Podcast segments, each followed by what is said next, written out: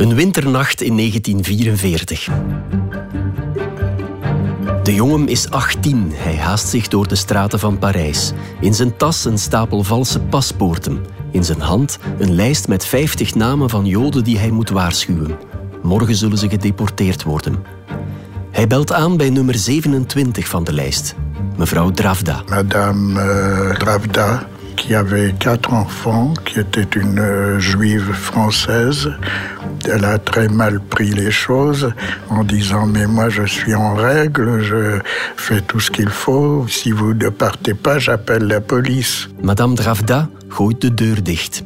De jongen dringt aan, tevergeefs. Et bien sûr, elle a été déportée. Et, voilà. Hij loopt verder met de tranen in de ogen, met de angst om gevat te worden, met de vaste overtuiging dat hij, door zijn eigen leven op het spel te zetten, tientallen anderen kan redden, zoals hij al zo vaak gedaan heeft. C'était la course contre la montre et la course contre la mort. De man die je hoort is die jongen. Adolfo Kaminski, nu 91 jaar. U kent hem niet, maar hij is een van de grote helden van de Tweede Wereldoorlog. Iemand. Iemand. Iemand. Iemand. Wil jij eens iemand zijn? Iemand. Iemand. Iemand. Iemand. Iemand. Iemand. Adolfo, vervalser. Iemand. Een iemand van Wart Bogaert. Eigenlijk heeft Adolfo het niet zo graag dat we hem vervalser noemen. Het is te negatief.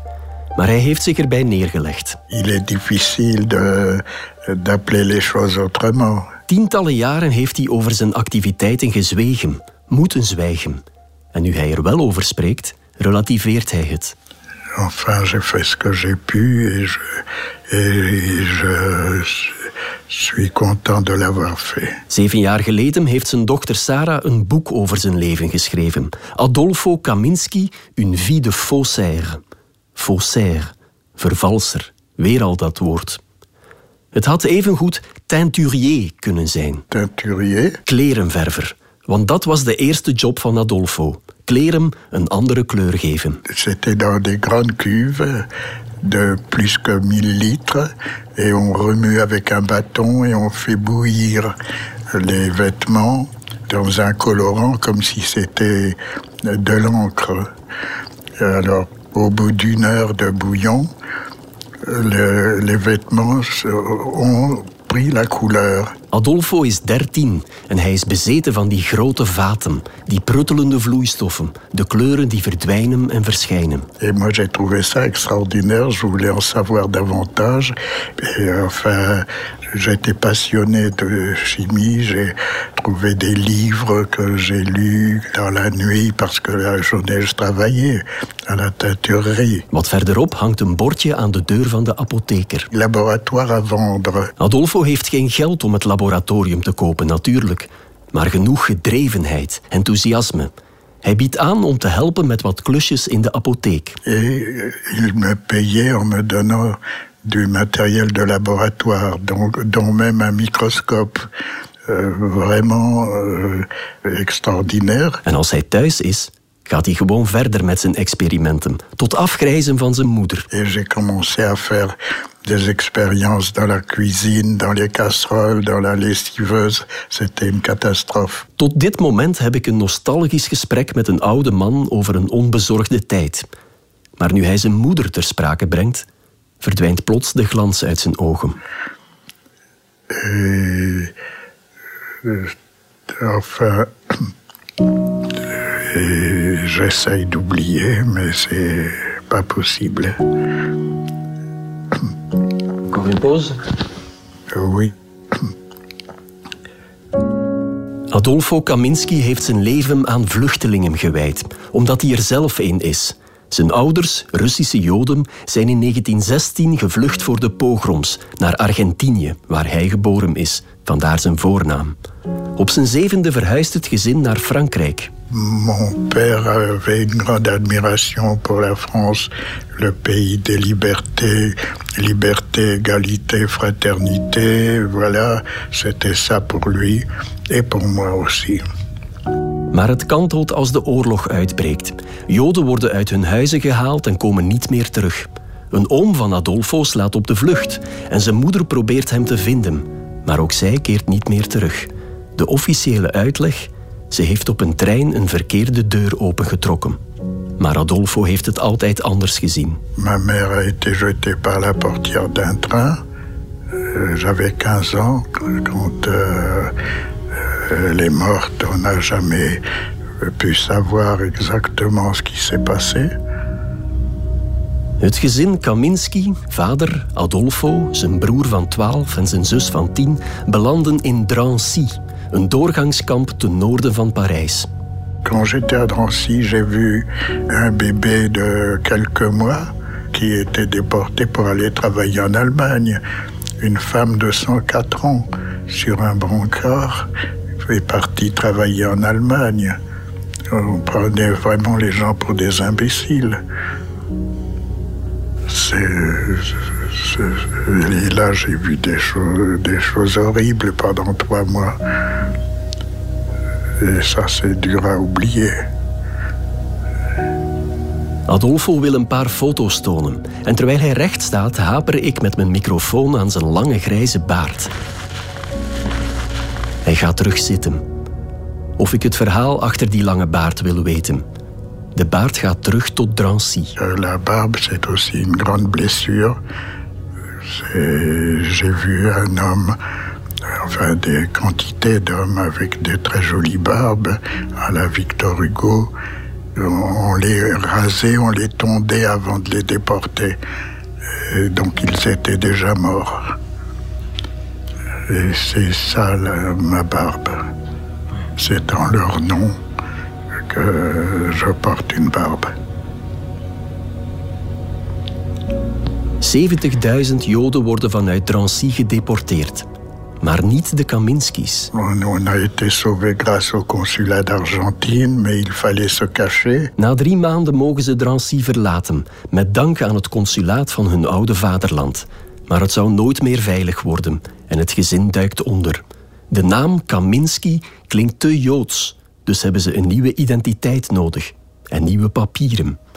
Via de apotheker waar Adolfo bijklust, komen ze in contact met het verzet. Il fallait des faux papiers. Été, au- quand j'ai été au rendez-vous avec un responsable d'un service de faux papiers qui m'a dit je te mets un nom, est-ce que Keller ça, ça va Euh, Bon, Julien Keller, euh, Adolphe Julien Keller, oui. Adolfo heet voortaan Adolphe Julien Keller. Hij moet ook nog een beroep opgeven. Alors j'ai dit teinturier. Teinturier. De man van het verzet, codenaam Monsieur Pingouin, kijkt de jongen lang aan. En hij heeft een idee. Euh, alors il me dit, mais teinturier, tu sais dé- décolorer les encres J'ai dit oui, j'ai fait beaucoup d'expériences, j'avais mon laboratoire. Het verzet zoekt al maanden naar manieren om die rode diagonale stempel juif van documenten voor Joden te laten verdwijnen. Il m'a dit, on a un problème avec le- l'encre Waterman. Dit, il faut, il faut analyser. Adolfo trekt zich terug in zijn laboratorium. Nu niet met kleren, maar met papieren. De vijand, juif, in rode waterman-inkt. Hij volhardt. En het lukt.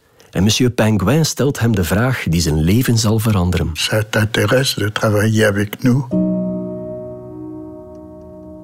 Et puis j'ai été recruté par la résistance pour le laboratoire de faux papiers. Adolfo moet voor het verzet niet alleen rode stempels verwijderen. Hij maakt ook nieuwe valse documenten. Identiteitskaarten, voedselbonnen, doorgangsvergunningen. Donc euh, j'ai mis en route des techniques, euh, je peux dire j'ai inventé des techniques qui ont permis de faire énormément, énormément de papier. Hij werkt keihard om het verdriet voor zijn moeder te vergeten. En hij heeft in Drancy gezien tot wat de Duitsers in staat zijn. Zijn eerste klanten zijn zijn eigen familie. Hij geeft ze een paspoort en via zijn contacten in het verzet verbergt hij ze op het platteland. Ma petite sœur euh, n'avait que 10 ans. Et le, mon jeune frère euh, en avait 12.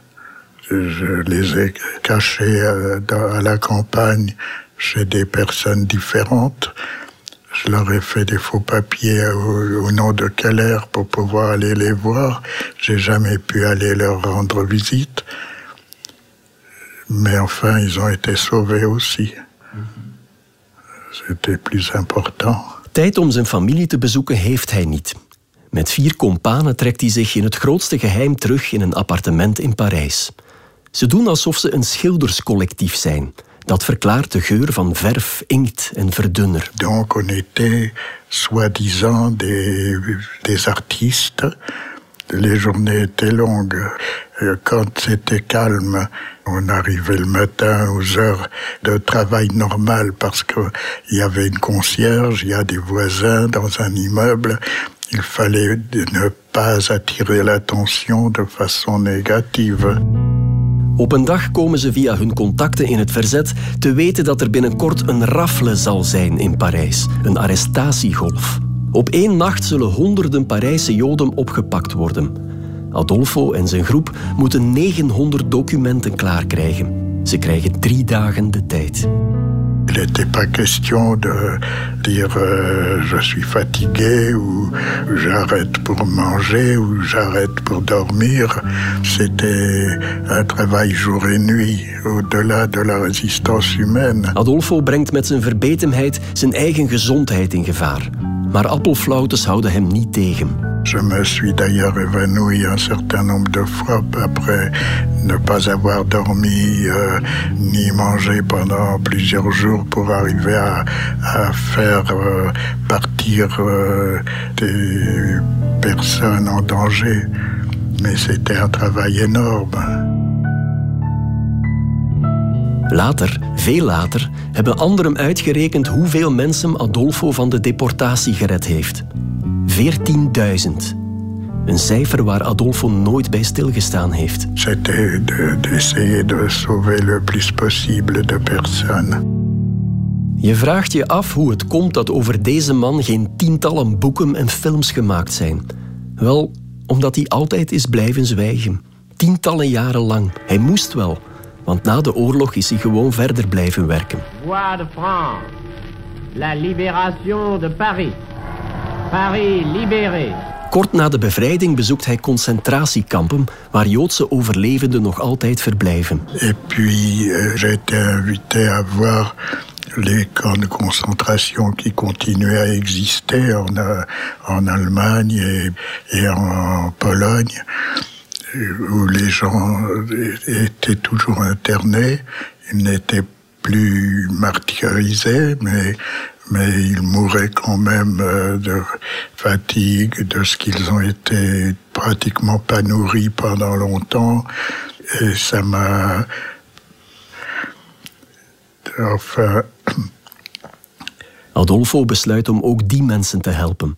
De meesten willen niet terug naar Frankrijk of Duitsland, maar naar het beloofde land, Palestina, dat op dat moment onder Engels protectoraat staat. Et on m'a demandé de faire des faux papiers pour l'immigration clandestine des survivants vers la, la Palestine.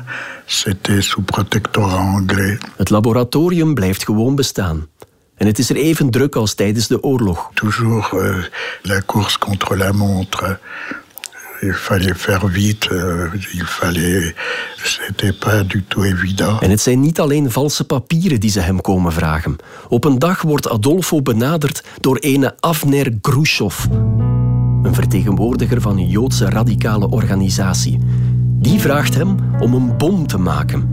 Die Ernest Bevin, Let's open up the world and let light and knowledge come in. de Britse minister van Buitenlandse Zaken, And see what each other's doing. And the actual physical arms. Uit de weg moet ruimen. Bon, j'étais tout à fait d'accord que les Anglais partent, mais pas en tuant qui que ce soit. Tous les actes euh, où l'on tue des gens sont des, actes- des actes inutiles. De pacifist Adolfo Kaminski haalt het op de idealist Adolfo Kaminski. Maar toch zegt hij ja, met een plannetje in het achterhoofd. De radicalen zal hij nooit kunnen overtuigen, maar als hij weigert, is zijn eigen leven in gevaar. Dus maakt hij een bom. Een valse. Je bent vervalser of je bent het niet. J'ai fait en sorte que ça ne pouvait pas faire de mal à une mouche. Et le- la personne qui a déposé la bombe euh, qui n'a pas marché, quand, elle, a, elle a appris ça de- des années après, il s'appelait Avner Grouchov. C'est devenu un ami. Le- ma- ma- il ne savait pas comment me remercier. Adolfo voorkomt een aanslag die de wereldgeschiedenis in een andere richting had kunnen doen uitgaan. En hij houdt er een vriend voor het leven aan over. In 1948 wordt de staat Israël opgericht. Wij, leden van de Nationale Raad, vertegenwoordigers van het Joodse volk in Palestina, verkondigen de vestiging van de Joodse staat in Palestina en noemen hem Israël.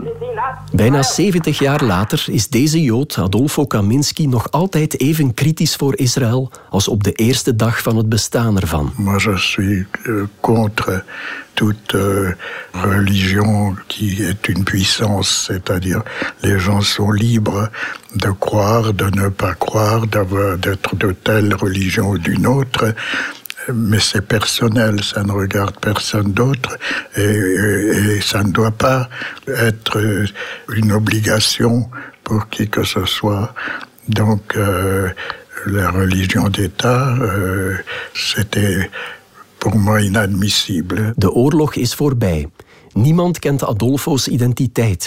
Hij zou kunnen stoppen en een rustiger leven leiden. Maar nee. En Algérie, l'activité terroriste s'est signalée par un sabotage de la voie ferrée, attentat qui a fait deux morts et cinq blessés. Chaque jour, des patrouilles parcourent les pistes de la montagne, cherchant le contact avec les rebelles. C'est de cette recherche continue que résultera le retour au calme. In Algerije breekt een bloederige onafhankelijkheidsoorlog uit. Duizenden Fransen en Algerijnen komen om. Adolfo is verontwaardigd. En hij is het nog steeds. Les gens se battaient pour leur indépendance et on envoyait des petits gars français se faire tuer pour tuer aussi des Algériens. C'était une, guerre inutile. En dus voelt Adolfo zich weer geroepen om te helpen. Et il fallait qu'elle cesse le plus vite possible.